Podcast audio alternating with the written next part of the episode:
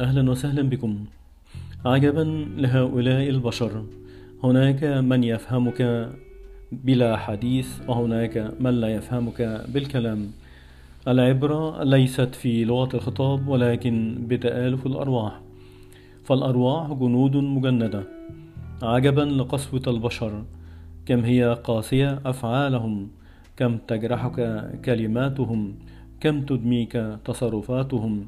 يستمرون فيها ويتمادون أكثر وأكثر لأنهم لا يدركون أنك تتألم. شيئا فشيئا يرونه حقا طبيعيا لهم أن يزيدوا في الجرح والوجع دون أن تشتكي لأنهم يثقون أنك ستتحمل كما اعتادوا منك وتعودوا. لا يفهمون أن يوم قد يثقل الحمل حتى تقع مثقلا بجراحك منهم.